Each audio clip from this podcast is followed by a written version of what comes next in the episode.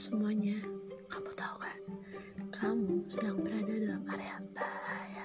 Hah? Bahaya? Iya, bahaya. Ya, jika saat ini kamu sedang mendengarkan podcast ini, maka kita akan membahas adat dan budaya. Oh, bahaya maksudnya bahas adat dan budaya. Aku pikir apaan? Yes, bersama aku Kristan Dewistina ya, kamu menemani waktu luang kamu dalam beberapa waktu ke depan. Tenang-tenang sobat buaya, jangan panik dan jangan takut karena aku bukan buaya pemberi harapan kayak dia loh. Kok aku malah curhat ya? Aduh, lupakan, abaikan.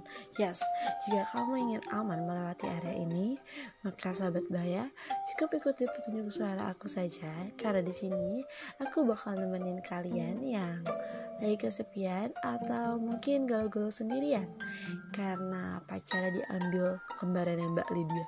It's my dream, not her. Thank you untuk kalian yang sudah bergabung dan sambil nikmatin podcast ini dengan tetap stay cool, duduk tenang dan bahaya. Segera meluncur.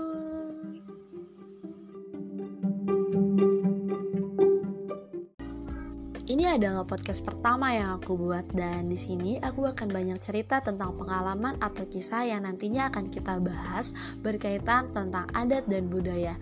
Karena kamu sedang mendengarkan Bahaya Podcast, maka waspadalah, waspadalah, waspadalah Bahaya Podcast. Bahas adat dan budaya. Nah, aku mau nanya deh sama kalian semua, apa sih yang kalian pikirkan jika mendengar kata budaya? Kalau menurut aku ya, budaya itu layaknya aku sama kamu. Loh kok layaknya aku sama kamu? Iya kayak kita. Karena tidak akan pernah terpisahkan dan selalu berdampingan. Ya ampun tan bisa aja loh. Nah karena budaya dan uh, manusia tidak akan bisa terpisahkan, maka akan menciptakan sebuah sejarah. Nah, sejarah itu pasti akan memiliki sebuah peninggalan. Sesuai dengan tema podcast kali ini, maka aku pengen kita membahas tentang benda peninggalan sejarah apa saja sih yang di rumah kamu yang bisa kita bahas dan kita ceritakan. Oke, dimulai dari aku ya. Aku punya beberapa peninggalan sejarah yang ada di rumah yang dikasih oleh almarhum babuyut aku. Dan peninggalan sejarah ini dari adat Jawa. Dulu babuyut aku adalah seorang seniman Jawa yang selalu melestarikan budaya Jawa, bahkan sudah sangat melekat dalam dirinya. Bahkan dulu Mbak Wita aku juga selalu bilang wong Jawa ojo ilang Jawa nih. Orang Jawa tuh jangan sampai hilang Jawanya. Jadi kita tuh harus selalu ingat dari mana kita berasal dan bagaimana kita berusaha untuk mencintai uh, sejarah uh, maksudnya budaya tersebut. Dan barang itu adalah belangkon. Kalian tahu belangkon? Masa sih ada yang nggak tahu belangkon? Itu loh belangkon yang tutup kepala seperti topi. Nah, iya benar. Belangkon adalah salah satu warisan terkenal dari budaya Jawa. Menurut Wikipedia, belangkon ada tutup kepala yang dibuat dari batik dan digunakan oleh kaum pria sebagai bagian dari pakaian tradisional Jawa. Oke, okay, mungkin kalian bertanya-tanya, kenapa sih kalian aku harus bahas tentang belangkon? Kenapa nggak yang lain? Ya suka-suka aku dong. Kenapa kalian harus ribet? nggak nggak bercanda. Kenapa harus bahas belangkon? Karena aku pengen biar belangkon tuh lebih dikenal lagi oleh generasi-generasi muda kayak kita. Biar belangkon sendiri dapat dilestarikan dan gak hilang ketinggalan zaman, apalagi diambil sama negara tetangga. Ih, nggak mau kan?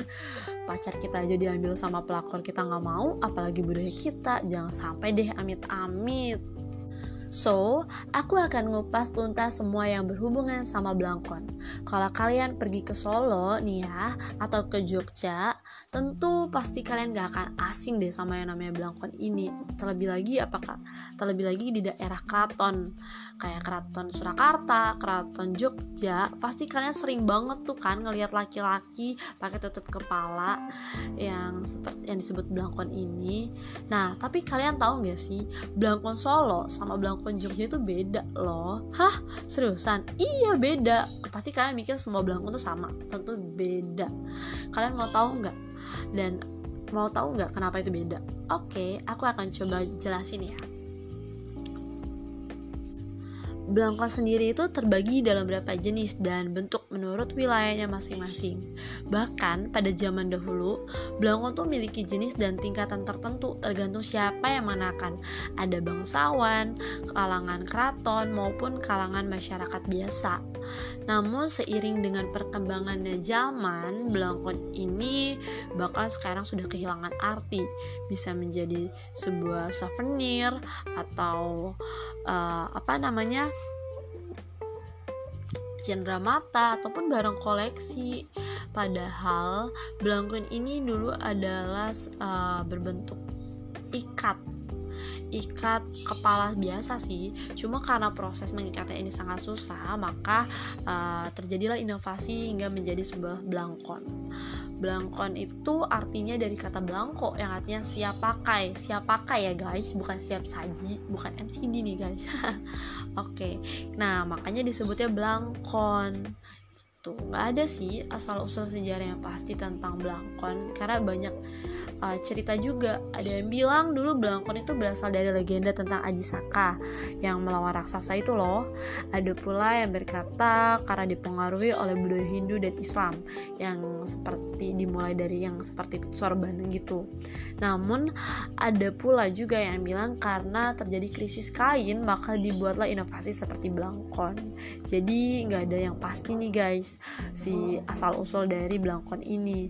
Namun yang aku tahu belangkon ini dulu tuh uh, dibuat oleh seniman. Jadi seniman yang membuat belangkon ini harus memperhatikan banget nih pakem-pakem yang berlakunya. Karena semakin pakem tersebut dipenuhi maka semakin tinggi nilai belangkonnya. Selain dari itu pembunuhan pakem tersebut penilaian belangkon penilaian dari belangkon ini. Jadi uh, sejauh mana seorang memiliki standar cita rasa dan pemahaman akan etika sosial.